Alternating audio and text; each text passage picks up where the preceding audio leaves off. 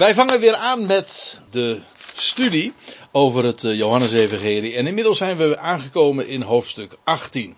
Na het eh, beroemde hoofdstuk 17, het zogenoemde hoge priestelijk gebed te hebben besproken. Daar hebben we twee avonden over gedaan. En u ziet, we hebben een heel programma voor vanavond uh, toch wel staan. Want er zijn 27 versen te bespreken.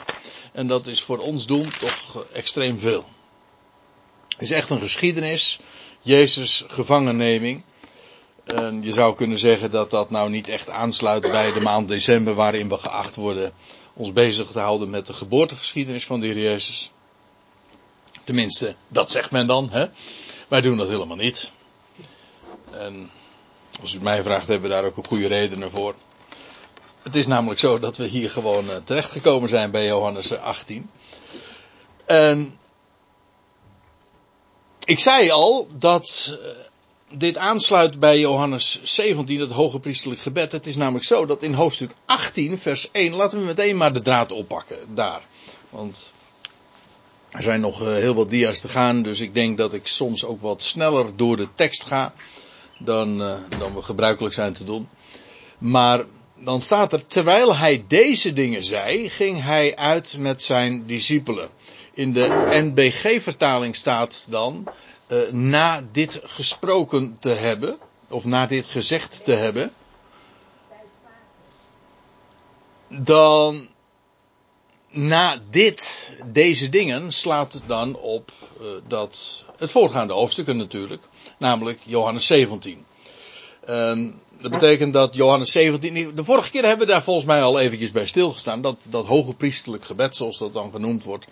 Dat is uitgesproken onder de open hemel dus. Dat bedoel ik eigenlijk ook figuurlijk. Letterlijk onder een open hemel, maar ook in de figuurlijk, in de zinnenbeeldige zin. En bij het verlaten van de stad. Want Jezus ging terwijl hij deze dingen zei. Jezus heeft waarschijnlijk terwijl ze op weg waren, stilgestaan en dit gebed uitgesproken, met zijn ogen opgeheven naar boven. Want zo stond het in vers 1. Dit sprak Jezus en hij hief zijn ogen ten hemel en zeide, Vader. En dan gaat het zo verder. En ze waren dus op weg naar de, naar de Olijfberg, want zo staat het er, naar de overzijde van de winterbeek Kidron.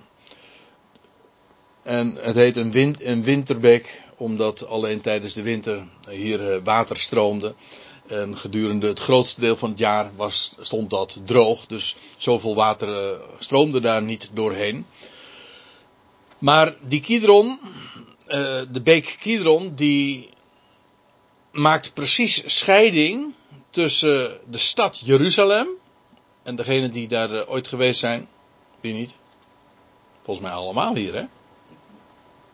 Nee, niet nog. Riet, toch. ja, dit gezelschap uh, heeft daar dus uh, voor het grootste gedeelte kennis van. Maar goed, als je dan dus de stad Jeruzalem hebt. En aan de, aan de ene kant, aan de westkant, aan de oostkant heb je de Olijfberg. En daartussenin heb je het Kidrondal. En, uh, en beneden in het dal stroomt dan in de winter dat beekje de Kidron. En de Heer die was dus in de stad Jeruzalem. Daar had hij de avond doorgebracht, het avondmaal, het Pascha uh, gevierd. En nu dus ging hij naar de Olijfberg, naar de overzijde van, uh, van die winterbeek. En daar was ook een tuin, staat er. Een hof, een, een, een tuin volgens Matthäus 26 en Marcus 14 heette die tuin. Nou, erg bekend. Gethsemane. En dat was dus, dat weten we uit Lucas 22, aan de voet van de Olijfberg. Dus het was, als ze de beek overstapten, uh, overheen gingen, dan kwam je aan daar in die, die tuin uh, Gethsemane. En dat woord Gethsemane is trouwens bijzonder. Dat betekent olijfpers. En als je daar even over doordenkt, is dat ook een heel veelzeggende naam. Want ja, wat gebeurt er bij olijfpers? Ja, dan wordt uh, de olijfolie uit die olijven geperst. Maar als je dat typologisch zeg maar bekijkt, dan betekent dat dat onder druk, want dat is wat een pers is, uh, wordt er, komt er olijfolie vrij. Maar olijfolie is in de Bijbel altijd een beeld van nieuw leven. Waardoor de lampen branden, uh, ja, ik bedoel niet deze branden, deze lampen, maar ik bedoel uh, lampen in de Bijbel. En olijfolie die fungeerde voor zoveel doeleinden. Maar het is altijd een type van nieuw leven. Maar dat nieuwe leven komt tot stand door druk. En onder druk. Zo komt dat vrij. En ik vind het heel bijzonder dat voorafgaand aan het lijden en het sterven van de Heer Jezus, waardoor drie dagen later de Heer Jezus verrees uit het graf, dat hij inderdaad onder druk kwam te staan. En onder druk, via die weg, via die route, is nieuw leven beschikbaar gekomen. Dus zelfs die naam van de tuin uh, is al heel veelzeggend. Ja, die, uh, die tuin stond vol met uh, olijven, mag je dus aannemen. Trouwens, de hele berg, want ze heet niet voor niks de Olijfberg. De berg genaamd de Olijven. Of de Olijf, uh, zo heet dat dan in het Hebreeuws. Dus ja, die berg stond vol en werd gekenmerkt door olijven. En nu is het nog zo dat als je naar uh, Jeruzalem toe gaat, dat je daar beneden aan de Olijfberg nog steeds bomen hebt staan die ongeveer al zo oud zijn als onze jaartelling, dus al uit de eerste eeuw dateren. Het zijn er niet veel, maar een paar bomen dateren uit die tijd. Want ja, olijfbomen, dat zijn bomen die in principe niet doodgaan, die regenereren zichzelf. En die vernieuwen zichzelf zodat als je hem niet omhakt of dat hij niet ziek wordt, dan blijft hij gewoon dus leven. Vandaar ook dat het een, een kenmerk is, of een beeld is van nieuw leven. Leven dat sterker is dan de dood.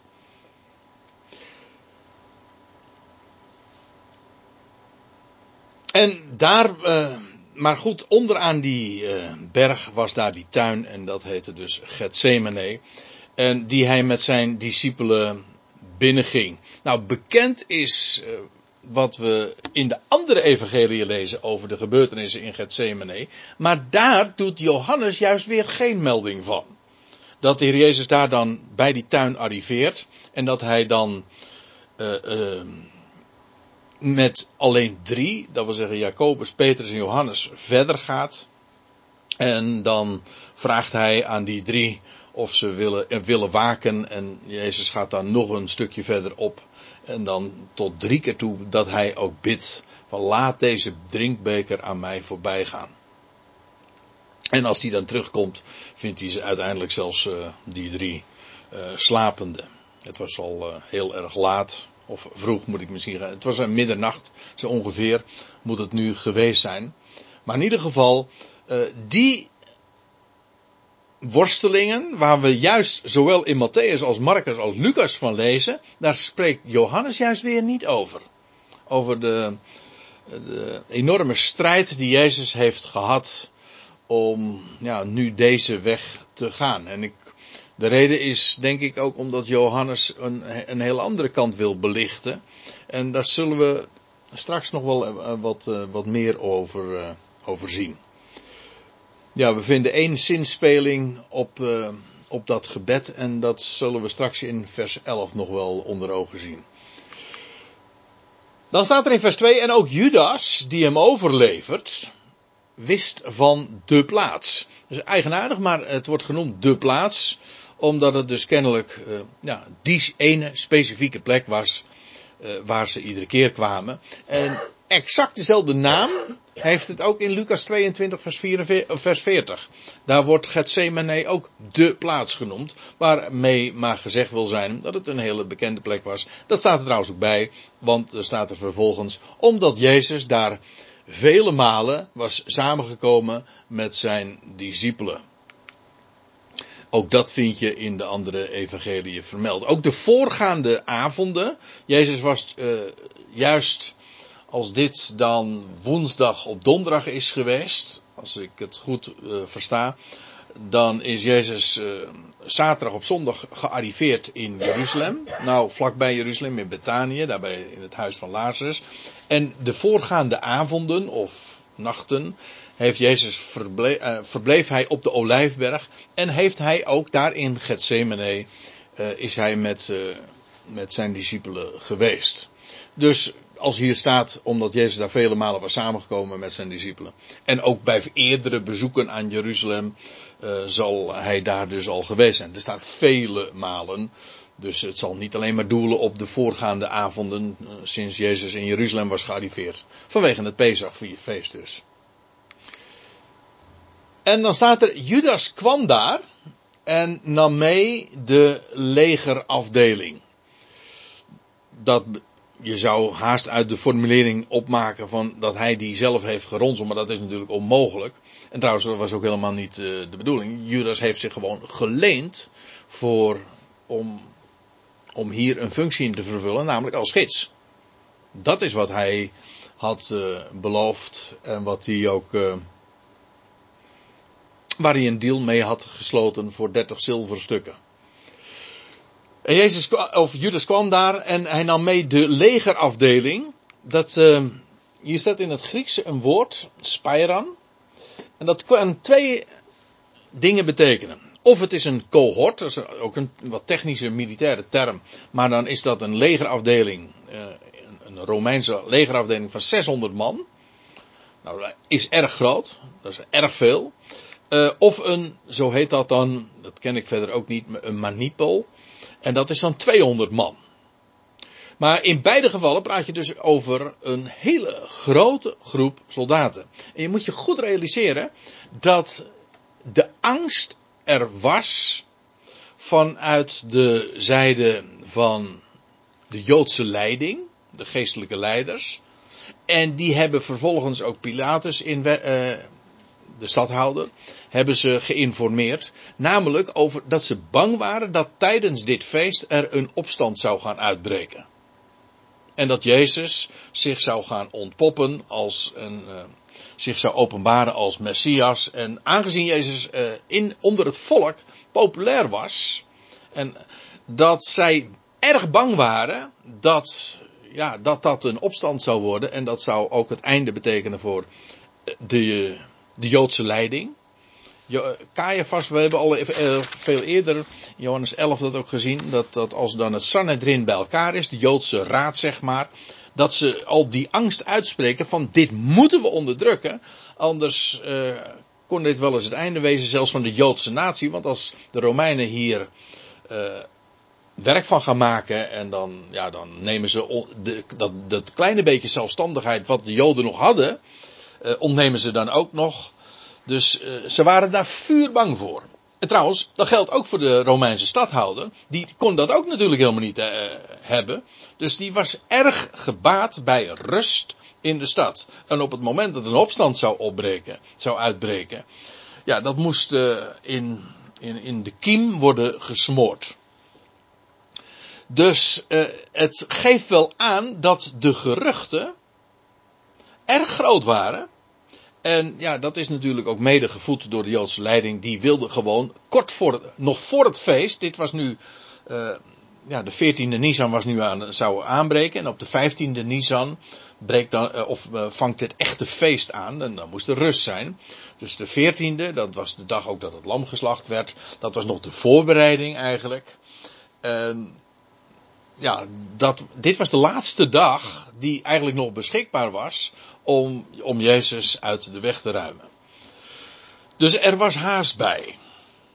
Maar er, het, het, de aantallen die hierin meekomen, als er sprake is van zo'n legerafdeling, geven wel aan, ongeacht of het nou een, een club van 600 man is geweest, en zelfs al is het de, de, veel kleiner geweest, namelijk 200 man, 200 gewapende mensen, vergis je niet. Dus men dit werd zeer serieus genomen. Anders, hadden, anders had er natuurlijk een, een klein clubje van, uh, van, uh, uh, van wat politie had afdoende geweest.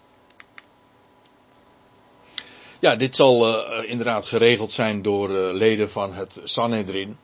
die al eerder naar Pilatus kennelijk zijn gegaan en gevraagd hebben van, nou kunnen we dit, kunnen we dit, die legerafdeling dan beschikbaar krijgen. En Pilatus, zij hebben erop gerekend dat Pilatus gezegd heeft, het feit dat hij die legerafdeling inderdaad heeft mee, meegegeven, geeft wel aan dat, dat zij rekenden op een snelle afwikkeling. En dat Pilatus ook zijn fiat eraan heeft gegeven. We komen daar de volgende keer, dat is dus inmiddels uh, 2020, komen we daar veel uitgebreider op terug, omdat, we dan, omdat dan het onderwerp is dat Jezus voor Pilatus verschijnt. En het, want dat hele verhaal gaat heel anders dan de Joden hadden verwacht. Want Pilatus had in aanvang gewoon gezegd van nou ja, dat, uh, dat is voor elkaar. Maar er gebeurt iets in het leven van Pilatus waardoor hij inderdaad uh, stijgert. En dat heeft alles met zijn vrouw te maken. Nou, bij die cryptische opmerking laat ik het maar even. Maar in ieder geval, even terugkomend bij vers 3. Judas kwam en nam de legerafdeling. En dat niet alleen, dat was van de Romeinse zijde. En ook uit de overpriesters. Het hoge priesterlijk geslacht, zeg maar. En die kwamen namelijk voornamelijk uit de partij van de Sadduceeën, weten we. Ik heb uh, de versnummers uh, erbij vermeld. Dus voor degenen die het na willen kijken, die kunnen dat zien. De, de heersende priesterklasse, die kwam, was van de partij van de Sadduceeën. En aan, aan de andere kant heb je, had je de partij van de Fariseeën, een afgescheiden groep. En dus de overpriesters, de Fariseeën. En daar staat er assistenten. In de MBG-verstaling staat het dienaars. En dat is eigenlijk weer een iets ander Grieks woord. En vandaar ook dat ik hier weergeef assistenten. Maar uh, dat was eigenlijk de tempelpolitie. Je moet je voorstellen dat de Joden hadden een, een zekere mate van vrijheid om hun eigen dingen te regelen. En dat gold bijvoorbeeld ook op, de, op het tempelplein. Mochten ze ook de dingen zelf regelen. En daar was dus uh, die, die partijen van de overpriesters en de fariseeën, die hadden dus daar dienaars. Dat waren gewoon mensen die de orde hielden. En die trouwens ook gewapend waren. Niet zo zwaar, maar waren wel licht gewapend. En die, ja, die uh, werkten ook mee met de, met de Romeinen. Er waren trouwens ze worden hier uh, de legerafdeling, overpriesters en fariseeën en de dienaren genoemd. Dus feitelijk vier, vier groepen. Maar feitelijk waren er ook nog de leden van het Sanhedrin bij. Dat staat hier niet, maar dat weten we dan weer uit Lucas 22. Zo zie je, uh, de Bijbel is echt een puzzelboek. Je moet namelijk de puzzelstukjes gewoon allemaal bij elkaar leggen. En dan krijg je een compleet beeld. En met bijbehorende lantaarns, fakkels en ze hadden ook uh, uiteraard hun wapens bij zich. Het was middernacht. Moet erbij zeggen trouwens, ze hadden wel het licht van de volle maan. Dat weet ik dat het volle maan was, want het was halverwege de maand. En uh, een halverwege de, een Joodse maand is altijd volle maan, per definitie. Zoals nieuwe, de nieuwe maand ook altijd nieuwe maan is. Zo is het halverwege, na twee weken dus in de maand, is het altijd volle maan. Maar, ja goed, eh, of het uh, zonnig is geweest, of, uh, of het uh, onbewolkt is geweest, dat weten we allemaal niet. in ieder geval, dit hadden ze bij zich, lantaarns en fakkels, en bovendien bewapend. Jezus dan, wetende al de dingen die hem overkomen zouden, kwam uit en hij zei tot hen, wie zoeken jullie? Hier zie je iets wat heel typerend is voor de manier waarop Johannes dit alles beschrijft. Jezus, of Johannes tekent Jezus als de zoon van God. Vanaf het begin van het evangelie is dat zijn, zijn de manier waarop hij hem kijkt. Matthäus die beschrijft Jezus als de koning. Uh, Marcus beschrijft Jezus als, als de knecht van Yahweh. Lucas als de, de zoon des mensen, als de Ben Adam. En Johannes als de zoon van God. En die zich niet in dit geval ook als willoos slachtoffer uh, die als willoos slachtoffer wordt neergezet. Nee, hij geeft zich heel bewust als slachtoffer over. Er staat er hier ook bij, wetende al de dingen. Het is, het is dus niet zomaar dat hij hierin, uh, dat hem dit alleen maar overkomt. Hij geeft zich ook werkelijk actief hieraan. Oh, hij wist wat hem overkwam. En daarom staat er ook, hij, het, wordt heel, hij, het wordt heel als actief neergezet. Want daar, daar staat er, uh, dus daar komt zo'n hele legerafdeling en een paar honderd man komt daar aan. Een clubje van 10, 11 man was dat. Ja, Jezus met de 11 discipelen. Want Judas was er natuurlijk niet eh, bij. Nou ja, die was, die was nu met de vijand meegekomen. Maar in ieder geval, uh, dan komt er zo'n enorme grote club aan. En dan is het Jezus zelf die actief uit de groep treedt. En dan staat er, hij kwam uit en hij zei, wie zoeken jullie? En zij antwoorden hem, Jezus, de Nazarener. En die term, Jezus, de Nazarener, Nazarener, die uh, komen we heel vaak zo tegen. En zo stond hij ook uh, alom bekend. Per slotverrekening de naam Jezus, dat is de Griekse vorm, of Yeshua, Joshua, dat was een hele bekende Hebreeuwse naam. Dus uh, dat was niet onderscheidend genoeg. Het daarom was het Jezus de Nazarener. En ik geef hier een heel aantal voorbeelden waar je inderdaad leest dat hij zo genoemd werd. Door Petrus. En boven het kruis zou dat ook zo'n bordje komen te hangen. En daar staat er Jezus de Nazarener. En als Paulus geroepen wordt, toen nog Saulus op de weg naar Damascus, dan dat een, een, een, een, een dat felle licht hem overstraalt, dan staat, dan dan valt hij op de grond en dan lees je dat hij zegt, wie bent u Heer? En dan zegt, is het antwoord, Jezus, de Nazarener, die jij vervolgt.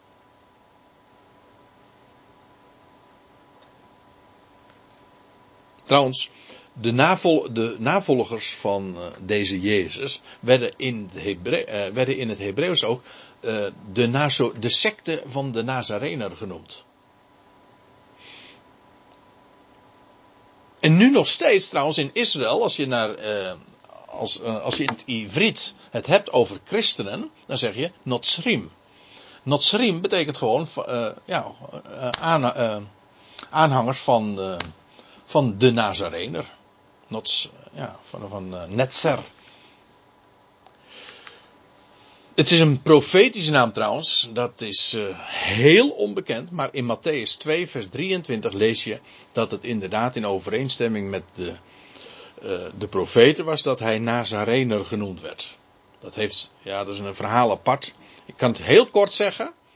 In Jezaja lees je al dat hij een Natser, een Netzer zou zijn. Er zal een reisje voortkomen uit de tronk van Isaïe. En dat woordje reisje, een scheut dus dat is in het Hebreeuws het woordje netzer. Dat is dit woord, netzer. En het idee is dat daar in Nazareth, dat dat een enclave was met allemaal, waar de nakomelingen woonden. Uh, eigenlijk een soort vluchtelingen. En die zich daar hadden gevestigd van uh, nakomelingen van koning David. En die hebben zich daar gevestigd in, het noorden van of, ja, in Galilea. En die plaats ging daarom Nazareth heten. Dat waren, dat waren dus mensen die allemaal nakomelingen waren van Nazareth. Eh, van de koning David. En terwijl ik dit nu zeg, denk ik van ja, dan moet ik, nou moet ik nog meer uitleggen. Maar ik wou het toch hier even bij laten. Het is heel boeiend trouwens. Waarom hij zo genoemd werd, want het, is, het heeft een enorme profetische lading. Afijn, zij onder, uh, de vraag was, wie zoeken jullie? En het antwoord is Jezus, de Nazarener. En hij zei tot hen, ik, ik ben het. Judas nu, die hem overlevert, stond ook met hen. Ja, eigenlijk Judas wordt hier een beetje als, uh, ja, het klinkt misschien wat raar als ik zeg als een zulletje erbij. Want uh, Judas heeft hier heel, geen actieve aandeel in de wijze zoals Johannes hem neerzet. Het is Jezus zelf die zich als het ware aanbiedt. Al uit de andere evangelie uh, weten we dat Judas naar voren trad ook en hem, uh, Jezus, een kus gaf, hè, de beroemde Judaskus. Maar Johannes ontkent dat niet, maar hij zegt daar niks over. Johannes wil iets anders naar voren brengen, namelijk het eigen initiatief dat Jezus zelf aan de dag legt. Niet als, alsof een noodlot hem overkwam. Nee, Jezus zelf geeft zich aan. Ja, hij geeft zich niet alleen over. Hij geeft zich eigenlijk hier ook aan. En hij zegt van, ik ben het. En, en Judas, ja, die stond daar ook. En dat hij hem ook nog een kus heeft gegeven en daarmee ook heel uh, uitdrukkelijk heeft aangewezen. Dat was kennelijk van tevoren al afgesproken van nou degene die een kus geeft, die, uh, die is het. Maar het was eigenlijk helemaal niet eens nodig. Want het was volstrekt helder al, uh, zoals Jezus zichzelf al hier opstelt en ook zegt van aan publiek verklaart, ik ben het. En dan vind je iets heel bijzonders. En dit onderstreept weer opnieuw waarom Johannes benadering zo heel ja, bijzonder is. Hij belicht echt de Heer Jezus, hier ook, als de Zoon van God, die zichzelf aangeeft, overgeeft. Want er staat erbij in vers 6, toen hij dan tot hen zei, ik ben het, gingen ze achteruit, ze, staan er in de MBG-vertaling staat, ze deinsden terug en vielen op de grond. Dat zal uh, niet al die honderden mensen geweest zijn, mag ik aannemen. Maar in ieder geval, het geeft wel aan hoe uh, indrukwekkend het is geweest dat Jezus zei: Ik ben het. Maar daar komt nog iets bij. Er staat namelijk letterlijk. Vandaar ook dat ik het tussen haakjes heb gezet, tussen vierkante haakjes. Dat woordje het. Eigenlijk staat er gewoon: Ik ben. En als je iets weet van het Hebreeuws en van de, van de naam van God, dan weet je dat in feite daarin de naam van God zelf doorklinkt. En de wijze waarop dit beschreven wordt. Jo, de heer Jezus zegt. Na de, het antwoord op de vraag van wie zoeken jullie? Nou, Jezus de Nazarene. En dat hij dan zegt, ik ben. Dat heeft zo'n indruk gemaakt. Ik denk dat het niet alleen maar schrik, een schrikreactie is geweest. Dat heeft op een of andere wijze zo'n indruk gemaakt. Dat daar zo'n hele horde kerels bewapende kerel gewoon achter, achterover deinst en valt. En dat kan niet anders dan dat hier inderdaad de naam van God zelf doorklinkt. Uh, de Zoon van God spreekt. Ik moet er aan denken dat je leest als, als God zichzelf bekend maakt hè, aan Mozes, dat hij ook uh, te horen krijgt van de grond waarop je staat. Komt niet naderbij, want de grond waarop je staat is heilige bodem. En nu zegt de Heer Jezus als de, de expressie, de uitdrukking, de logos van God, ik ben. Hij verwijst daarmee naar zijn vader en dat hij daarvan de, de, de uitdrukking is. En dat heeft men hier letterlijk zo aangevoeld, want ze deinzen achteren en ze vielen op de grond. Dus dit is niet zomaar een bekendmaking of een aanmelding. Of een aangeven. Nee, dit is veel meer.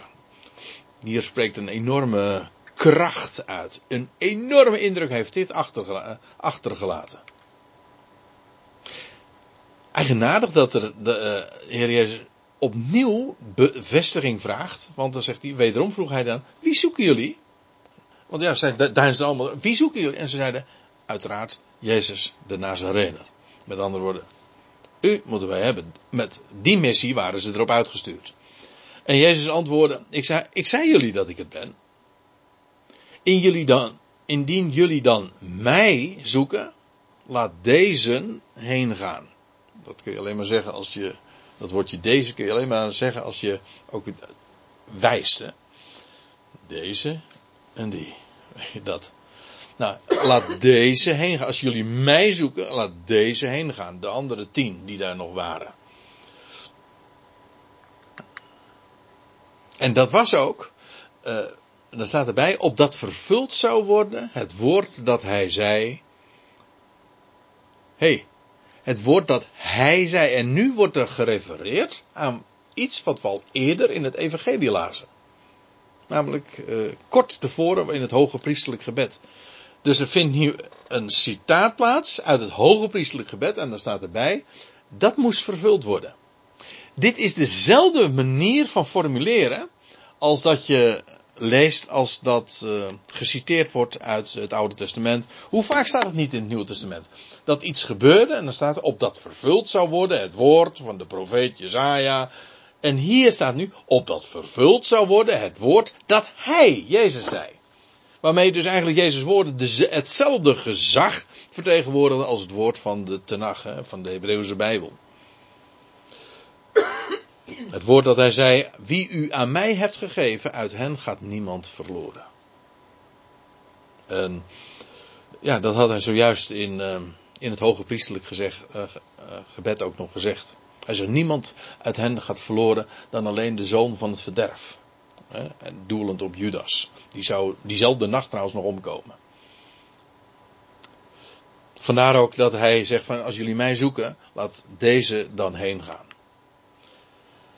En dan is het Simon Petrus. Die uh, in dit gezelschap, opnieuw, zo kennen we hem ook, uh, op de voorgrond treedt. En dan staat er Simon Petrus dan, die een zwaard had, uh, die trok het. We weten uit het Lucas-evangelie dat twee discipelen, onder andere dus Petrus, dat had je zelf eigenlijk kunnen bedenken, een zwaard droeg. Je leest in het Lucas-evangelie dat de Jezus uh, daarna vraagt. En dat, uh, dat een van de discipelen zegt van nou, zijn, wij, we hebben, met elkaar hebben we twee zwaarden. Men, dat was helemaal niet zo gek. Ik bedoel, hier in Europa is dat niet het gebruik dat we een wapen bij ons hebben. In Amerika wel. En daar is dat een hele ja, een belangrijk en hot issue. Om zelf in bezit te zijn van een wapen. En ook in die dagen was dat gewoon vrij en om uit zelfbescherming een wapen bij je te hebben. En twee van de discipelen hadden inderdaad dus een zwaard. En Petrus, uh, die was een van die twee dus. En uh, die had het zwaard. En die, die trekt het zwaard ook. En dan staat er, en hij trof, het sla, hij trof de slaaf van de hoge priester en hakte hem de rechter oorlel af. Ja, ik zeg rechter oorlel, uh, want er staat namelijk een verkleinwoord. Er staat eigenlijk zoiets als een oortje. Dus een deel van het oor. Niet niet de hele oorschelp. Ik ga ervan uit dat Simon Petrus, zoals, zo wordt het beschreven, dat hij echt niet de, de wilde, iemand wilde doden. Of dat hij uh, deze slaaf het, de, de, een kopje kleiner wilde maken, letterlijk.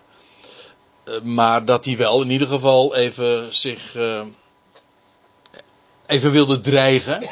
En dat hij al dreigend, wellicht per ongeluk, het rechteroorlel van Malchus, want zo heet deze slaaf, wat trouwens geen Hebreeuwse naam is, dus het is kennelijk een buitenlander geweest. En die wordt getroffen. Hij hakte hem de rechteroorlel af. Ja. Waarna je de vraag hebt: was dit nou het oordeel van Petrus of was dit een oordeel van Malchus?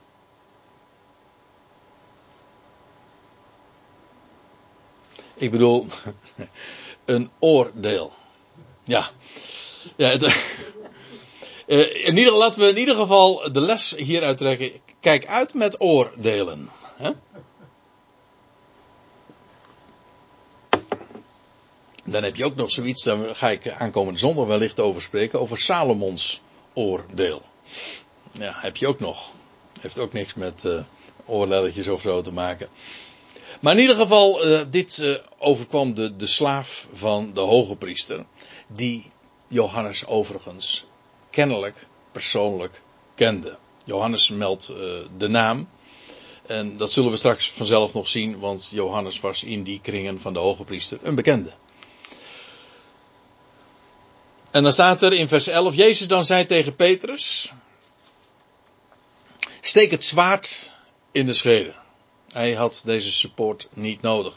Uit de andere evangelie lezen we trouwens dat er nog worden er meer details uh, dan vermeld, want de Jezus zegt er dan nog bij, wordt hier niet gezegd, maar uh, ieder die het zwaard opneemt, zal door het zwaard vergaan. Dat is, een, uh, dat is zelfs een gevleugelde uitdrukking geworden. Dat, dat zijn oorsprong vindt hier in, in je, deze geschiedenis in Gethsemane. Steek het zwaard in de scheden. En ook hier wordt trouwens niet vermeld wat er nog gebeurd is. Want Jezus heeft namelijk de man genezen, die Malchus. Die heeft je leest dat Jezus zijn oor aanraakte. Er staat niet dat hij iets op, opraapte of zo. Hij raakte zijn oor aan. Ja, hij raakte zijn oor aan. En dan staat er. Uh, en hij genas hem. Staat heel kort in. Alleen Lucas vermeldt dat. Lucas, de arts, vermeldt deze, dit medische wonder, zeg maar. Matthäus vermeldt dat niet. Marcus vermeldt het niet. Johannes vermeldt het ook niet. Die vermeldt alleen het incident van dat, dat hij zo om zich heen sloeg. En daar kennelijk per ongeluk deze Malchus oor trof. En, en dan de repre, zei je tegen, of nee, de, het antwoord van Jezus, steek het zwaard in de schede.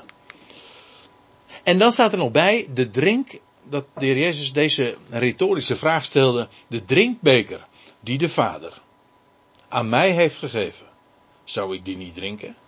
Denk je nou werkelijk, Petrus, dat ik eh, jouw support of jouw hulp nodig heb en dat jij nu zo moet opstellen dat je, dat je mijn zaak zou redden? Dit. Ook hier is Petrus weer bedacht eigenlijk op de dingen van de mensen.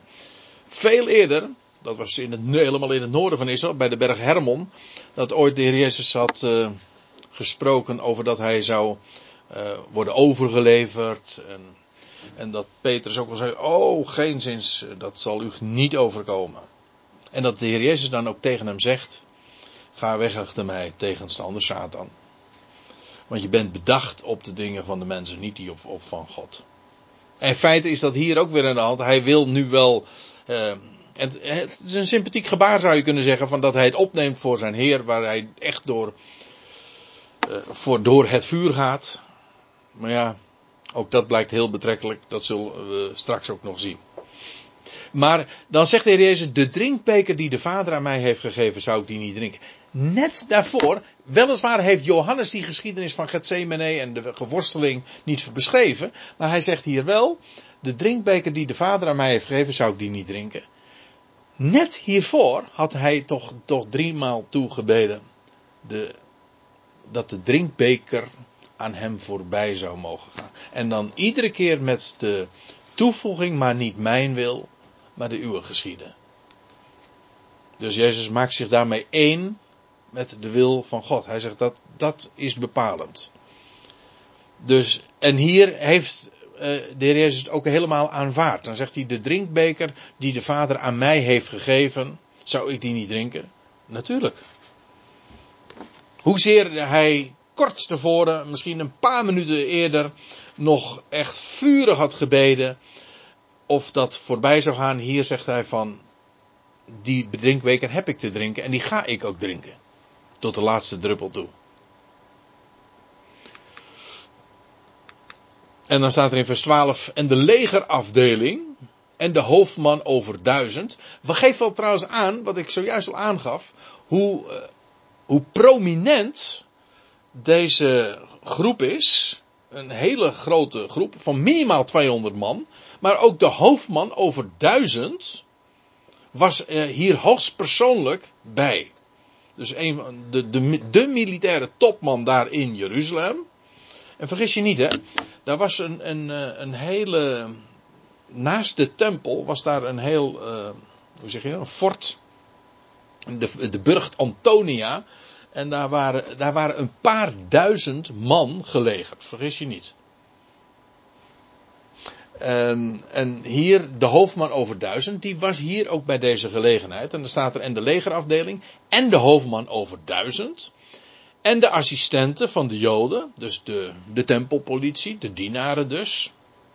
Die grepen samen Jezus en ze bonden hem. Dit is dus de eigenlijke arrestatie.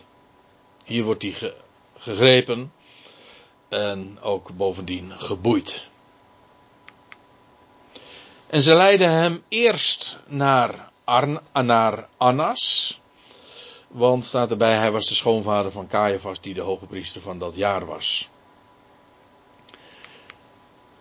Moet ik er even iets bij je zeggen? Want we hebben bij een eerdere gelegenheid, dat was in hoofdstuk 11, wordt er ook al iets uh, daarover verteld. Over Annas en over, over die Caiaphas. Want het, uh, de verhouding, nou ja, die wordt hier trouwens uh, geschilderd. Annas was de schoonvader dus van Caiaphas. Maar het verhaal is, Annas was de, eigenlijk Annas, dat is weer de Griekse vorm van Gan, Gania of, uh, maar in ieder geval, die was de hoge priester. Maar een hoge priester in Joodse termen, gewoon volgens de Bijbel, ben je gewoon voor het leven. Het is niet zo van dat je na, na een ambtsperiode van, ik noem maar wat, van vier jaar, dat je weer hoge priester af bent. Nee, je bent hoge priester, dan lees je ook. Een hoge priester was hoge priester voor het hele leven. Als hij stierf, werd hij opgevolgd door zijn zoon. En dat was die, die Annas was tot het jaar 18, dat weten we uit de ongewijde geschiedenis van uh, Flavius Josephus. Er is vrij veel over bekend, buiten de Bijbel ook om. Want er is heel veel over, uh, over de hele omgeving en over Jeruzalem en over hoe de stad eruit zag. Met name Flavius Josephus was een geschiedschrijver, een Joodse geschiedschrijver, die er heel veel over heeft, een, wel dikke boeken over heeft geschreven. Ja, en dat was een tijdgenoot. En die heeft ook beschreven over, over Annas, die hoge priester. En die tot het jaar 18, u moet zich realiseren, dit was het jaar 30.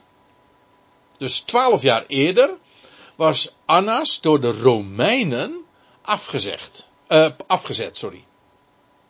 Hij was hoge priester, maar de Romeinen hebben toen uh, de Caiaphas, de, de schoonzoon van, Anania, van Annas, aangesteld als hoge priester. Maar dan krijg je een eigenaardige situatie. Want dat betekent dat je voor de Joden was Annas de, gewoon de hoge priester. Maar voor de Romeinen, en die hadden het daarvoor het zeggen, was Caiaphas de hoge priester. Zij hadden er gezegd van, hoor wij maken hier de dienst uit. Wij vinden jou geschikter, om welke reden ook. Dat, welke motief ze daarvoor hadden, weet ik niet. Maar in ieder geval, zij hebben toen in het jaar 18 Annas uh, uit zijn ambt gezet, zeg maar, en vervolgens Caiaphas geplaatst. Maar de Joden hebben dat nooit erkend. En die hebben gewoon altijd de credits gegeven aan Annas. En Caiaphas was eigenlijk meer uh, de hoge priester in of door de bril van de Romeinen. Dus uh, hier gaat het. Uh, en in de praktijk was het zo dat beide priesters een, een grote rol speelden. In dit geval kwam dat nog uit ook omdat ze direct familie waren. Want ze waren schoonvader en schoonzoon. Afijn. Eerst gaat uh, dan als Jezus gearresteerd is, daar in Gethsemane, gaan ze naar, en dat is een betrekkelijk korte reis, want ze kwamen uit het Kidrondal van Gethsemane en ze gaan dan vervolgens naar uh, het huis van de hoge priester, vlakbij de tempel. Dus dat is uh, allemaal een hele korte afstand. Ze leiden hem eerst naar Annas, uh, want er staat er, uh, want hij, die Annas dus, was de schoonvader van Caiaphas, die de hoge priester van dat jaar was. Uh, dat betekent dus niet dat hij iedere, elk jaar een andere hoge priester had, maar het wil gewoon zeggen van dat jaar was Caiaphas de hoge priester. En dat was hij trouwens tot 36. Hij zou nog zes jaar de hoge priester zijn voor de, van, voor, voor de Romeinen.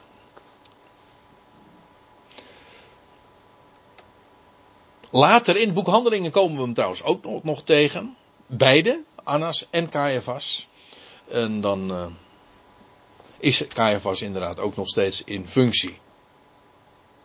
Het weet je nog, en dat is wat Johannes hier in herinnering roept, want er staat erbij in vers 14.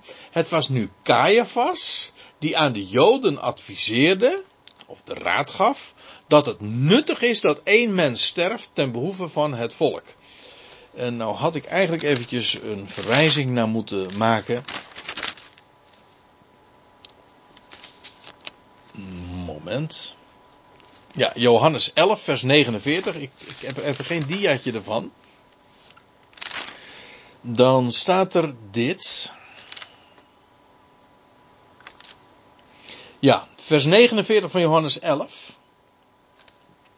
Ja, ik, ik, lees even vanaf vers 48. Als ik het op internet zet, dan plaats ik er nog wel eventjes een diaatje eh, bij. Maar dan staat er dit. Eh, ik lees even vanaf vers 47. De overpriesters en de fariseeën dan riepen de raad samen. Dat was een paar dagen hieraan voorafgaand. Ze riepen de raad, het Sanhedrin, samen. En zeiden, wat doen we? Want deze mens, Jezus, doet vele tekenen. Als wij hem zo laten geworden, zullen alle in hem geloven en de Romeinen zullen komen en ons al, en zowel onze plaats als ons ontvolk eh, ontnemen. Dat wil zeggen, zie je hoe, eh, hoe serieus het werd genomen? Dat zij waren bang, de Joodse leiding was bang dat er opstand zou komen en dat Jezus alom door het volk zou aanvaard worden. En dat de Romeinen dan vervolgens represailles zouden nemen en dan de, eigenlijk de, de, het Sanhedrin zouden afzetten. En dan waren die, was de Joodse Raad zelf hun gezag kwijt. En dan zouden de Romeinen komen en die zou dan, uh, ja, die zou Jeruzalem de plat gooien of in ieder geval uh, nog veel sterker bezetten. Nou, en dan is het Caiaphas die dan zegt, maar één van hen, Caiaphas, de hoge priester van dat jaar, zei tot hen, jullie weten niks, jullie beseffen niet dat het in uw belang is, jullie eigen belang, zegt hij tegen de, het hele Sanhedrin, de Joodse raad dus, dat één mens sterft ten behoeve van het volk en niet het hele volk verloren gaat. En dan staat erbij, doch dit zeide hij niet uit zichzelf, maar als hoge priester van dat jaar profeteerde hij dat Jezus zou sterven voor het volk. Dus onbedoeld en onbewust sprak hij een profetie uit.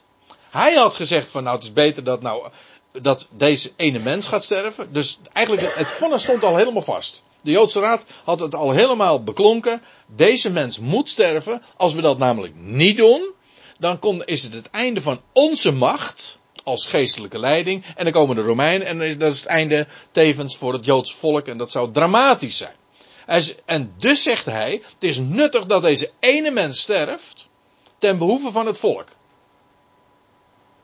Maar zonder het zich te realiseren, sprak hij daarmee een profetie uit, want dat is precies wat Jezus deed. Jezus stierf ten behoeve van het volk. Alleen op een heel andere manier dan hij zich op dat moment realiseerde. Hij gaf heel bewust een advies, maar hij had, zich, had geen idee van het feit dat hij werkelijk een profetie eh, hier uitsprak. Weet je wat trouwens ook heel eigenaardig eh, is? Hij, hij wijst hiermee als hoge priester ook meteen het offerlam aan. Notabene, dit was al de 14e Nisan. En hier zegt hij, er moet iemand sterven. En wat, wat moest er op de 14e Nisan sterven? Een lam. Het, het. Het eigenlijke paascha. En ja, nu, als je dit zo beschreven vindt van Johannes, denk je, hoe is mogelijk dat die Caiaphas dat zich niet gerealiseerd heeft? Ja, Johannes tekent dit zo, dat het ons, voor ons onmiskenbaar is. Maar het is zo duidelijk. Het is zo helder.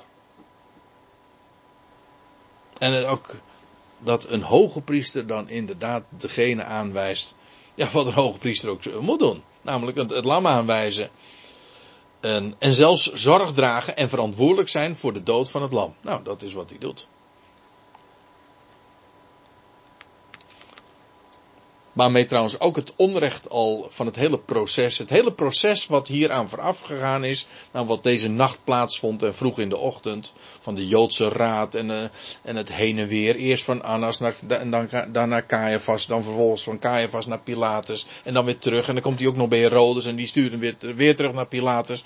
Maar het is een schijnproces. Echt een schijnproces, want het vonnis voor de Joden stond al lang vast. En uh, ze konden geen getuigen vinden, geen, die, uh, die echt met.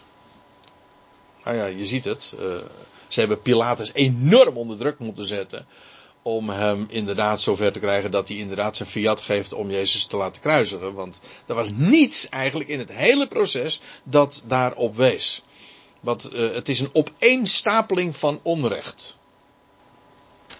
Nou, ik denk dat we de verstandig gaan doen, als ik nu hier het vijftiende vers aanklik, dat we eerst wellicht eventjes gaan uh, pauzeren. Dan pakken we straks de draad op bij, uh, bij dit vers. Goed, wij hebben nog uh, een twaalftal versen te gaan. En het is inmiddels vijf half tien, dus ik zal echt moeten opschieten. We zijn aangeland in vers 15. Nou, het was dus zo dat Jezus was gearresteerd. Is vervolgens meegenomen naar het huis van Annas, de, de hoge priester. De, de schoonvader van uh, de officiële hoge priester, zeg maar. En dan lees je Simon Petrus nu in vers 15, die volgde Jezus. Hoewel, ik moet erbij zeggen, je leest in de andere evangelie dat als Jezus eenmaal gearresteerd is, dat ze allemaal de wijk nemen. Allemaal, alle discipelen, dus ook Petrus is toen in eerste instantie gevlucht. Maar goed, ze, inmiddels is het weer wat verder, want uh, in, de, in de nacht inmiddels en dan lees je Simon Petrus uh, nu volgde Jezus. Dus na zijn vlucht is hij toch weer uh, daar achteraan gegaan. En er staat er ook bij, en een andere discipel. Dat is de Johannes zelf, dat kan niet anders. Uh, hij, hij, noemt zichzelf ook nog wel eens een keertje de discipel die Jezus lief had. Die geliefd werd door Jezus. En sowieso uh, Simon Petrus en Johannes, dat was een koppel die heel dikwijls samen worden genoemd. En ook hier uh, zijn ze bij elkaar. En nou is er iets eigenaardigs aan de hand. Want er staat, uh, Simon Petrus nu volgde Jezus en een andere discipel. Nou, op het moment dat de naam niet genoemd wordt, dan weet je al, dat gaat over de schrijver zelf. Die gewoon in de anonimiteit blijft, zeg maar. Die discipel nu, die andere dus, was bekend bij de hoge priester. Ja, daar is heel veel over gespeculeerd. Ja, waarom? Ho hoezo was hij daar uh, bekend? Uh, was dat uh, familieverhouding? Waren dat zakelijke banden? Ik las in de studiebijbel werd ge geopperd van dat de, het bedrijf van Zebedeus, want dat was de vader van Johannes. ze hadden een familiebedrijf. Ze waren, ze waren Zebedeus had, was visser, twee, twee zoons erfgenamen, zeg maar. Eh, Johannes en Jacobus. En, en er werd gesuggereerd dat, dat die een leverancier waren van vis aan het hoogpriestelijk huis. Ja, zo, zo lust ik er nog wel een paar. Zo lust ik nog wel een paar haringen, denk ik dan. Uh, het, het, het, is maar een, een, slag in de lucht. Een veel zinniger verklaring, persoonlijk vind ik, maar die ligt dan wat meer in de typologische sfeer. Dat Johannes misschien zelf ook van Levitische of priesterlijke kom af was. Dat zou kunnen. Of dat hij familie had in de priester, maar in dat geval heeft hij wellicht ook zelf, was hij zelf ook van de stam Levi. Maar ik moet er meteen bij zeggen dat als ik dat opper, dat ik dat niet kan bewijzen. Uh, het blijft gewoon natte vingerwerk, het staat er domweg niet. Hij was een bekend. Ene ding is zeker, uh, Johannes was bekend bij de hoge priester. En als je dan inderdaad zegt, hij was een leviet, dan verklaart, zou dat wel allerlei dingen in het Johannesevangelie verklaren. In die zin dat hij dan bijvoorbeeld ook de nadruk erop legt dat Jezus het lam Gods is. En dat hij juist die, dat soort, dat zijn typisch van die kwalificaties die je als priester doet. Nou, als hij inderdaad behoorde bij de priestelijke familie, Zamwe, Zamhou, zeg maar, dan uh, zou dat uh, daar uh, licht op kunnen werpen. Maar nogmaals, ik denk dat we het gewoon maar moeten houden bij de, bij vaststelling die hier gegeven wordt. En daar verder niet al te veel in achterzoeken. Hij was een bekende bij de hoge priester en kwam samen, staat er, samen binnen met Jezus tot in de hof van de hoge priester. Aha, dus Johannes was daar dus in die hof en waar Jezus ook uh, vertoefde, daarbij de hoge priester. Johannes kon namelijk vrij naar binnen lopen, daar in die hof. Die, u moet je zo voorstellen, daar was een poort. We zullen het straks in het volgende vers ook wel zien. Je, je had een poort. En via die poort kwam je dan in zo'n hof, zo'n binnenplaats. En daar uh, grensden dan de diverse hoge priestelijke verblijven. Niet alleen dat van Annas, maar ook dat van Caiaphas. Dus via die hof, die binnenplaats, uh, kwam je dan daar terecht. En uh, Johannes kon daar vrij in en uitlopen, want hij was een bekende, staat er. Daarom staat het er ook zo, die, hij was bekend bij de hoge priester en kwam samen binnen met Jezus tot in de hof van de hoge priester. Petrus nu stond buiten bij de deur. Ja, en dan staat er de andere discipel dan, Johannes dus, de bekende van de hoge priester, die ging naar buiten en hij sprak tot de deurwachtster, de portierster zeg maar. En hij bracht Petrus binnen. Dus die doet een goed woordje voor Petrus en zegt van, uh, hij kan ook mee naar binnen komen. Wat dus wel inderdaad aangeeft dat uh, Johannes hele goede connecties heeft gehad. En daar zelfs zodanig uh, bekend was dat hij ook bekend was bij de portierster daar. Want die, hij, een woordje was al genoeg om Petrus ook naar binnen te leiden. Het dienstmeisje dan, staat er, die deurwachter, de portierster dus, die zei tegen Petrus, jij bent toch ook niet uit de discipelen van deze mens? Uh, eigenaardig dat zij zich dat afvraagt van Petrus. Pe zij vraagt zich af wat Petrus daar te zoeken heeft. Die vraag stelt ze zich niet bij Johannes. Nee, Johannes die was daar een bekend gezicht. Die kwam daar dus kennelijk wel vaker. Dus ze stelt zich niet de vraag van wat doet u hier nu, want hij was er wel vaker. Van Petrus stelt ze zich die vraag wel. Jij bent toch ook niet uit de discipelen van deze mens? Uh, uit de andere evangelie lezen we ook dat herkend worden aan het Galilees accent. Moet je je voorstellen, dit was in Judea. Zij kwamen, al Jezus zelf, maar ook alle andere discipelen, kwamen allemaal uit Galilea. Ja, dat hoor je. Ja, ik, bedoel, zo gek is dat voor een Nederlander niet. Je hoort of iemand uh, uit Groningen, Friesland komt, of dat hij uh, uit, uh, uit Den Haag komt, om maar wat te noemen. Hè? Of uit het Westland. Moment.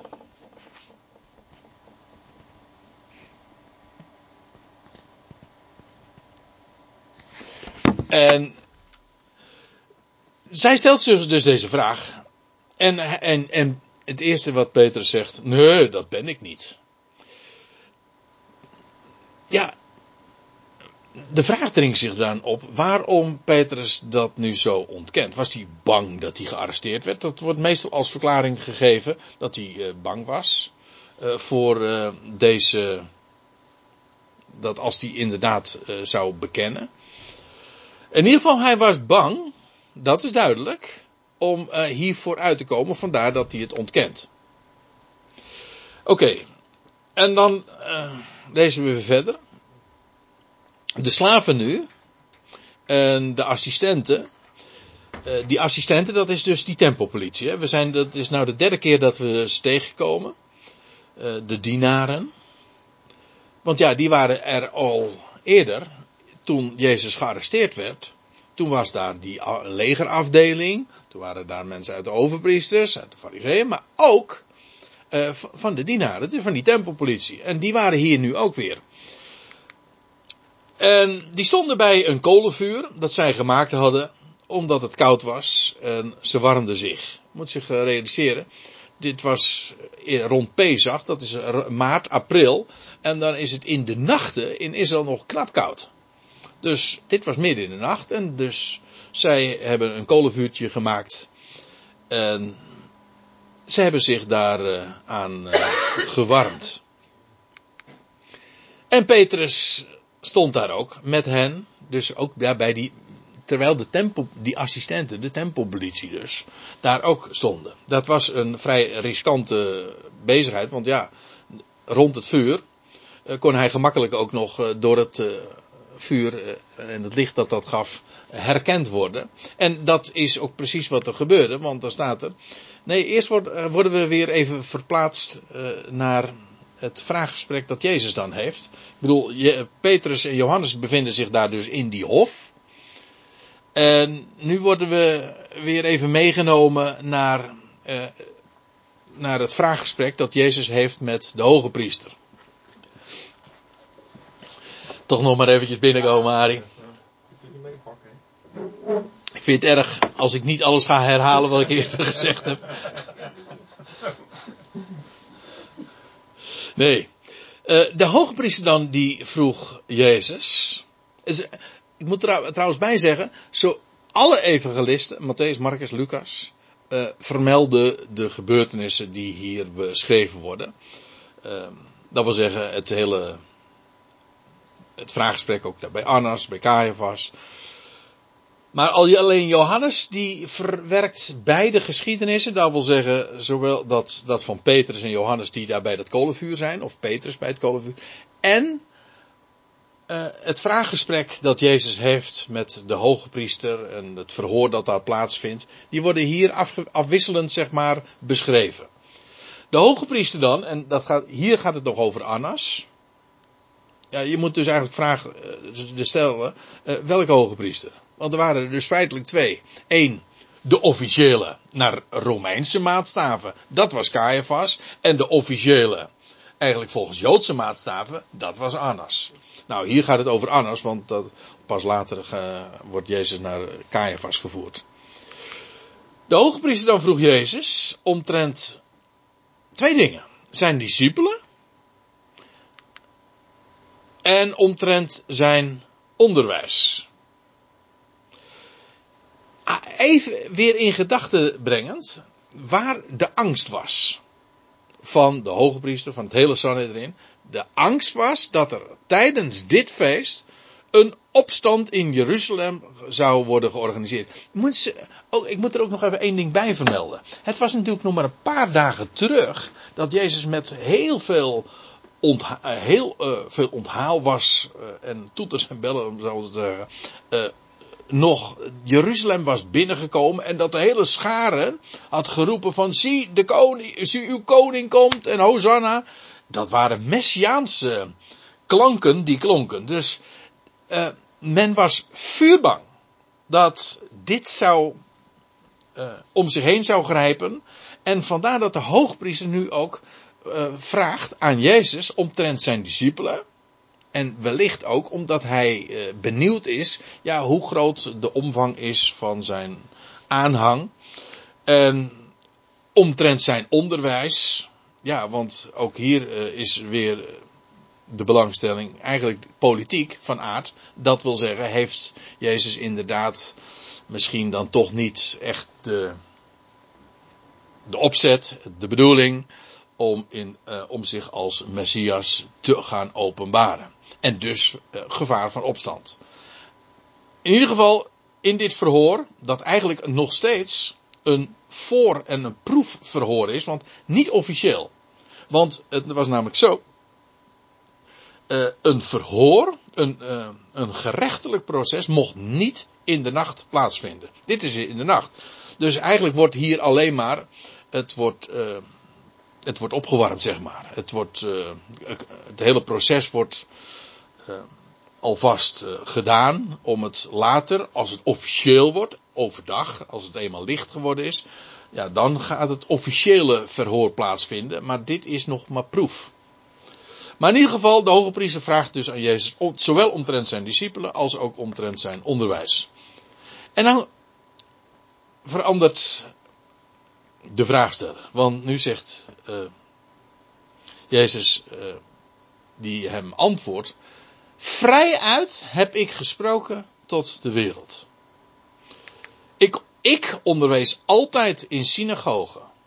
In, al, in alle synagogen. Niet alleen in Galilea, maar ook in Judea, in Jeruzalem. En bovendien de tempel. Juist de afgelopen dagen wat dat uh, nog weer veelvuldig plaatsgevonden. Ik onderwees altijd in de synagoge en de tempel. Waar al de Joden samenkomen. De nadruk ligt hier op twee keer ik. Vrijheid heb ik gesproken tot de wereld. Ik onderwees altijd in de synagoge. Het idee is, de suggestie is, ik deed het openbaar. Maar jullie, van het Sanhedrin, jullie doen het in het geniep. Uh, jullie hebben al een complot in het verborgen, hè? En jullie hebben al besloten dat Jezus gedood moet worden. Dat was weliswaar niet openbaar geweest, maar dat hebben ze wel zo ja, bekonkeld. Zo gaat dat in de politiek. En trouwens in de godsdienstige wereld is dat ook allemaal politiek. dat, dat noemen ze achterkamertjespolitiek. Dus uh, de heer Jezus die stelt een, eigenlijk een wedervraag. Daar komt het op neer. Hij zegt van, hoezo vraag je mij? Ik heb altijd, waarom vraag je naar mijn onderwijs? Ik heb in de synagoge, in de tempel altijd onderwezen. Waar al die joden samenkomen. En nu ga je me vragen naar mijn onderwijs? Hij zegt, in het verborgene sprak ik helemaal niets. Dat wil zeggen, in het verborgen heb ik niet iets anders beweerd dan wat ik, dan wat ik aan het publiek vertelde. Dus, van waar dan? Nou, dan krijg je in vers 21 de vraag, waarom vraagt u mij? Nee, eigenlijk moet ik moet de klemtoon anders leggen. Waarom vraagt u mij? Kijk, in een normaal rechtsgang zou het zijn dat er nu getuigen zouden opdraven die een aanklacht zouden onderbouwen. Dat was normaal. Waarom moest Jezus onder, nu ondervraagd worden over zijn onderwijs terwijl hij dat altijd aan het publiek had gedaan? Als er iets, als er iets te klagen was, als er een proces uh, moest plaatsvinden, nou dan laat de, laat de getuigen dan optreden. Die iets tegen mij inbrengen over wat ik misgezegd zou hebben. Daarom zegt hij ook, waarom, waarom vraagt u mij? Vraag degene die gehoord hebben wat ik tot hen sprak. Laat hen spreken. Let op deze. Zij weten wat ik zei. Dat is volstrekt logisch. Ja, je begrijpt wel.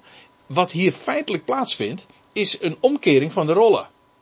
Want, uh, want dan staat er, toen hij deze dingen zei, gaf een van de assistenten, dus van de tempelpolitie, die erbij stond, Jezus zo een slag in het gezicht. En hij voegde er naartoe, antwoord je zo de hoge priester. Ja, dit was als heel brutaal uh, opgevat. En hij was natuurlijk boos omdat Jezus zich opstelt als aanklager in plaats van als beschuldigde. Nu was, ik bedoel, Jezus was hier en hij werd als een beschuldiger was hij eh, nee, als een beschuldigde was hij gevangen genomen. Hij was gearresteerd. En wat hij nu vervolgens doet, is zelf de aanklacht formuleren. Maar omdat ze daar geen goed antwoord op hadden, werden ze boos. Ja, dat zie je altijd. En dan, dan vandaar ook die slag in het gezicht. En dan die boosheid waarop mee dan gereageerd wordt. Waarop Jezus vervolgens zegt, weer een wedervraag. Waardoor hij hen in het nauw bracht. Jezus dan antwoordde hem, indien ik kwalijk sprak, iets kwaads zei, getuig omtrent het kwalijke.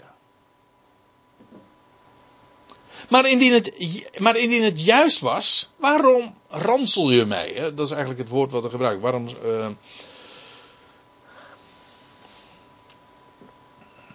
uh, welk woord heb je daar nog mee? Waarom sla je mij? Waarom ransel je me nou af? Waarom geef je me een slag in het gezicht? Kijk, wat hij eigenlijk zegt tegen, want hij, de vraag uh, werd gesteld door een van die assistenten. Dus iemand van die tempelpolitie waar we het eerder over hadden. Nou, die, die gasten van de tempelpolitie, die hebben Jezus uh, daar in de tempel zo vaak horen spreken. Dus die was zelf ooggetuige en die was zelf aanwezig toen Jezus onderwijs gaf en sprak. Dus hij zegt, indien ik kwalijk sprak, getuig omtrent het kwalijke. Jij bent zelf een getuige, want je hebt mij gehoord toen ik onderwijs gaf in de tempel. Dus getuig maar. Ik, het is juridische taal, hè? Hier het woordje getuigen. Wat, uh, we hadden het in de pauze even over uh, kennis van het Grieks. Maar in het Grieks heeft dat te maken met ons woordje Nee, met het woordje uh, materion. Maar ons woord martelaar is daarvan afgeleid. Een martelaar is eigenlijk iemand die getuigt. Dat is een juridische term. Uh, dus een getuige draaft op om te vertellen van dat wat hij gezien of gehoord heeft, omdat hij daar ooggetuige van was. Nou, in dit geval, die, die, een van die mensen van de tempelpolitie die Jezus een slag in het gezicht geeft, nou, die was een getuige. Want die heeft Jezus horen spreken. Nou, zegt de heer tegen hem, als het kwalijk was, getuig maar. Dit is toch, een, dit is toch al een proces, of in ieder geval een proefproces. Nou, kom, kom maar op. Zeg maar wat ik kwalijk heb, heb uh, gesproken. Maar in, zo niet, als het kwalijk was, nou getuig maar. Maar indien het juist was, waarom ransel je me nou? Ja, dat, uh, ga, zie daar maar eens een keertje antwoord op te geven. Maar die tempelpolitie, die kon helemaal hem niet getuigen van iets eh, fouts. Ja, en, maar als het dan juist was, had hij geen enkel motief om hem dus een klap in het gezicht te geven. Dus hoe dan ook, hij liep hier compleet vast.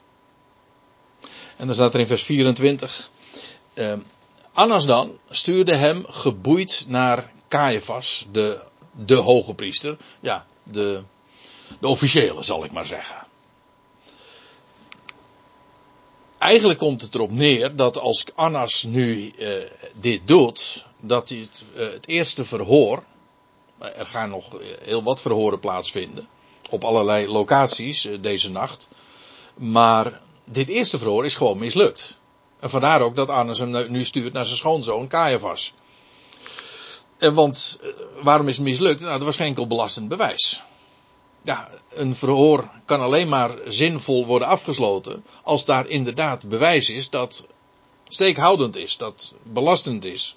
Maar dus eigenlijk onverrichte zaken stuurt nu Annas Jezus door, geboeid, naar zijn schoonzoon Caiaphas, de hoge priester. Dat was trouwens eh, in dezelfde locatie. Want dan staat er, Simon Petrus nu stond zich te warmen. Nou, nou zijn we weer even terug in, in de hof zelf. Dus van de plaats van waar het verhoor plaatsvond, nu weer in de hof. En eigenaardig, dat zie je, dat, ik, we hadden het er al eventjes over, dat uh, de Bijbel dan inderdaad een puzzelboek is. Want als je dan de stukjes van Johannes naast, dat, naast die van Matthäus, Marcus en Lucas legt, dan, dan weten we één ding over de locatie. Want als je Matthäus, Marcus en Lucas leest, vond de verlogening door Petrus plaats in de binnenhof van Caiaphas. Als je daarentegen Johannes leest, was het in de binnenhof van Annas. Waarna je zou kunnen zeggen, hé, hey, maar dat is een tegenstrijdigheid. Maar dat is verre van dat. Het geeft gewoon aan dat uh, er, je had daar dus die poort. Die poort gaf toegang tot die, dat binnenhof waar we het zojuist over hadden. En in dat binnenhof had je verschillende verblijven die, uh, waarvan de een van Annas was en het andere uh, verblijf was van Caiaphas. Dus dat was gewoon aangrenzend, uh, een aangrenzende plaats. Dus er is helemaal geen tegenstrijdigheid. Het is gewoon dezelfde binnenhof. Alleen in het ene geval noem je het het binnenhof van Annas, in het andere geval het binnenhof van, uh, van Caiaphas. Maar het was beide waar. Die beide hoge priesters, schoonvader en schoonzoon, die woonden daar bij elkaar. Het waren natuurlijk ook uh, min of meer ambtelijke verblijven. Uiteraard. Maar goed, uh, we wisten al, Simon Petrus stond zich daar dus te warmen, omdat het uh, in de nacht zo koud was. En zij zeiden dan tot hem, dus de tweede keer, jij bent toch ook niet uit zijn discipelen? Ik zei al, hij stond zich daar te warmen, dus daarbij dat vuur, dus ja, zijn gezicht werd herkend. En dan uh, weer, weer van die assistenten, die hem, ja, moet je je voorstellen, Petrus had daar nogal prominent in die, uh, daarbij Gethsemane, had hij opgetreden, zijn zwaard getrokken en dat, uh, en de, het oorlelletje van de hoge priester, van de slaaf van de hoge priester eraf gehakt. Dus ja, dat zal toch uh, weinig mensen die daar aanwezig waren, al waren het er een paar honderd, we hebben dat gezien. Uh, het zal toch weinig mensen ontgaan dat wie, daar zo uh, sprak en wie daar zo optrad. Dus nu is Simon Petrus daar min of meer in het hol van de leeuw. En dan staat, hij staat zich te warm. En dan ze zeiden dan tot hem, jij bent toch ook niet uit zijn discipelen? Maar hij ontkent het. En hij zei, nee, dat ben ik niet. En dan weer, vers 26. Een van de slaven van de hoge priester, een verwante van wie Petrus een stukje oor afhakte, dat was dat oordeel, weet u nog, waar we het over hadden. Uh, daaraan zie je trouwens ook weer dat Johannes inderdaad een bekende was van de hoge priester, want hij wist nu te vertellen, hij wist te vertellen hoe die slaaf van de hoge priester heette. Hij kende dat dienstmeisje, de portierster, zodat hij een goed woordje kon, voor Petrus kon doen, dat hij ook daar in de binnenhof kon komen. En nu ook wist hij dat een van die slaven een verwante was van die Malchus. Dat kan, dat is echt inside information, hè. Dat is, als je alleen maar als je uh, daar vaker komt, dan weet je dat soort verhoudingen en dat soort relaties. Vandaar ook dat Johannes dit zo precies kan vertellen. Een van de slaven van de hoge priester, een verwante van wie Petrus zei, van wie Petrus een stukje oor afhakte, zei, hey, vernam ik jou ook niet in de hof met hem? Dat was hem dus niet ontgaan. En Petrus dan ontkende wederom. Voor de derde keer. Zoals voorzegd. Dat had Johannes trouwens ook al. Stond ook in het Johannes-evangelie vermeld. Dat de Heer Jezus dat gezegd. Toen Petrus nogal uh, hoog van de toren blies. Hè, als een haan. Dat, doet, dat doen normaal gesproken hanen. Hè, van de toren blazen. Maar dat deed in dit geval uh, Petrus. En toen had de Heer Jezus gezegd. Deze nacht nog. Met je grote mond. Ga je mij drie keer logenen. En, en dan staat er onmiddellijk kraaide een haan. Want dat had de Heer Jezus ook er nog bij gezegd. Voordat de haan kraait. Dus voor de vroege ochtend. Voordat het ochtend wordt. Heb je dat al drie keer gedaan. Onmiddellijk kraaide een haan. Johannes is heel sumier in de beschrijving van deze geschiedenis. Hij beschrijft het. Namelijk dat het drie keer gebeurd is. Maar allerlei details moeten we, vinden we vooral bij Matthäus, Marcus en Lucas. Uh, oh, wacht even. Wat hij niet vermeldt is bijvoorbeeld dat Petrus ontkenning steeds grover werd. Want uh, de eerste keer lees je nog dat hij gewoon in, uh, in Matthäus, Marcus, Lucas, ik, daar blijf ik vanaf. Dan lees je nog dat hij zegt van nee, hij ontkende het. En bij de tweede keer wordt hij bozer. En dan, ik, ken die, ik ken die mens niet. En de derde keer dan, dan staat er nog bij dat hij ging vloeken zelfs nog. Johannes zegt het allemaal heel sumier, hij ontkende het. Maar in werkelijkheid, of nou niet in werkelijkheid, maar als het compleet zegt, zoals dat in de andere evangelie dan eh, wel wat gedetailleerder vermeld wordt, dan zie je dus echt dat het eigenlijk steeds grover wordt. Dat hij uh, kracht dat bijzet om, uh, om zijn ontkenning, zeg maar, kracht bij te zetten, ja. Wat ook Johannes niet vermeldt, en dat is een van de meest aangrijpende details, dat op het moment dat Petrus voor de derde keer met heel veel kracht de ontkenning doet, dat Jezus op dat moment net weggeleid wordt van Annas naar Caiaphas. Net op dat moment.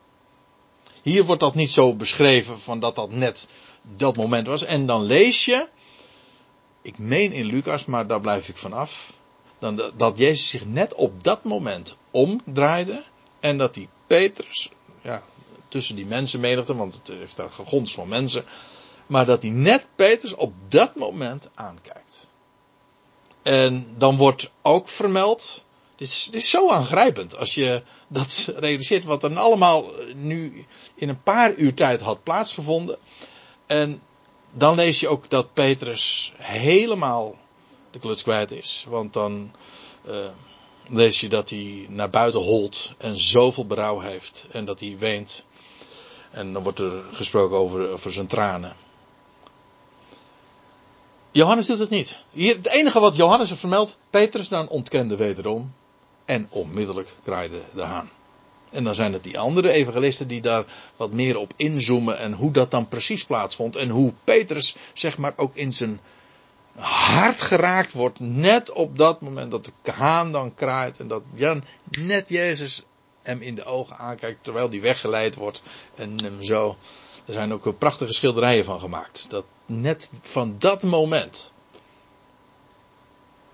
Ik moet er trouwens bij zeggen dat terwijl Johannes hier op dit punt weer heel sumier is, dat hij op andere punten juist weer veel uitgebreider is. Want later als Petrus wordt hersteld onder de discipelen, dan zijn ze inmiddels weer in het noorden, daar bij het meer. Uh, dan wordt hij in de kring van de discipelen weer gerehabiliteerd, in ere hersteld. En dan, dan lees je trouwens weer dat dat rond een kolenvuur was. We zullen dat tegenkomen in Johannes 22, zo, nee 21, daar eindigt het Johannes Evangelie mee. En weer rond een kolenvuur en dat Jezus dan hem de vraag stelde, eh, Simon Petrus, uh, heb je mij lief? En dan nog een keer. Of eerst, nee, heb je mij, eerst heb je mij lief, meer dan deze. Dat had hij gezegd. Als alle u verlaten, ik geen zins. Dus hij had feitelijk ook een, eh, zich verheft, verheven boven de anderen. Uh, anderen misschien wel, maar ik niet. En dan eerst, heb jij mij lief meer dan deze? En dan de tweede vraag, Simon Peters, heb je mij eigenlijk wel lief? En dan, uh, en dan de derde vraag is eigenlijk nog zwakker. Niet heb je me lief, maar dan gebruikt hij een zwakker woord, agape, nee, niet agape, maar uh, filio. Uh, mag je me eigenlijk wel? Dus uh, de vraag wordt steeds geringer. Is dat er eigenlijk? Is dat er eigenlijk nog wel? Nou, dan wordt Petrus heel erg bedroefd. En, maar goed, dan krijgt hij ook een geweldige missie van de Heer Jezus van wijd mijn schapen, wijd mijn lammeren. Maar daar is, dat is Johannes dan weer, die dat heel uitgebreid uh, beschrijft over rond dat kolenvuur, zeg maar. Het herstel. Maar het gebeuren rond dit kolenvuur, bij de verlogening, dat wordt uh, erg sumier verteld.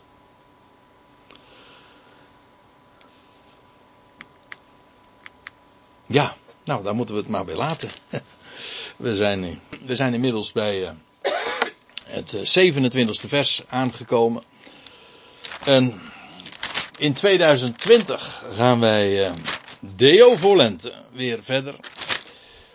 En dan uh, behandelen we de geschiedenis vanaf vers 28 tot hoofdstuk 19, vers 16, dat Jezus voor Pilatus verschijnt.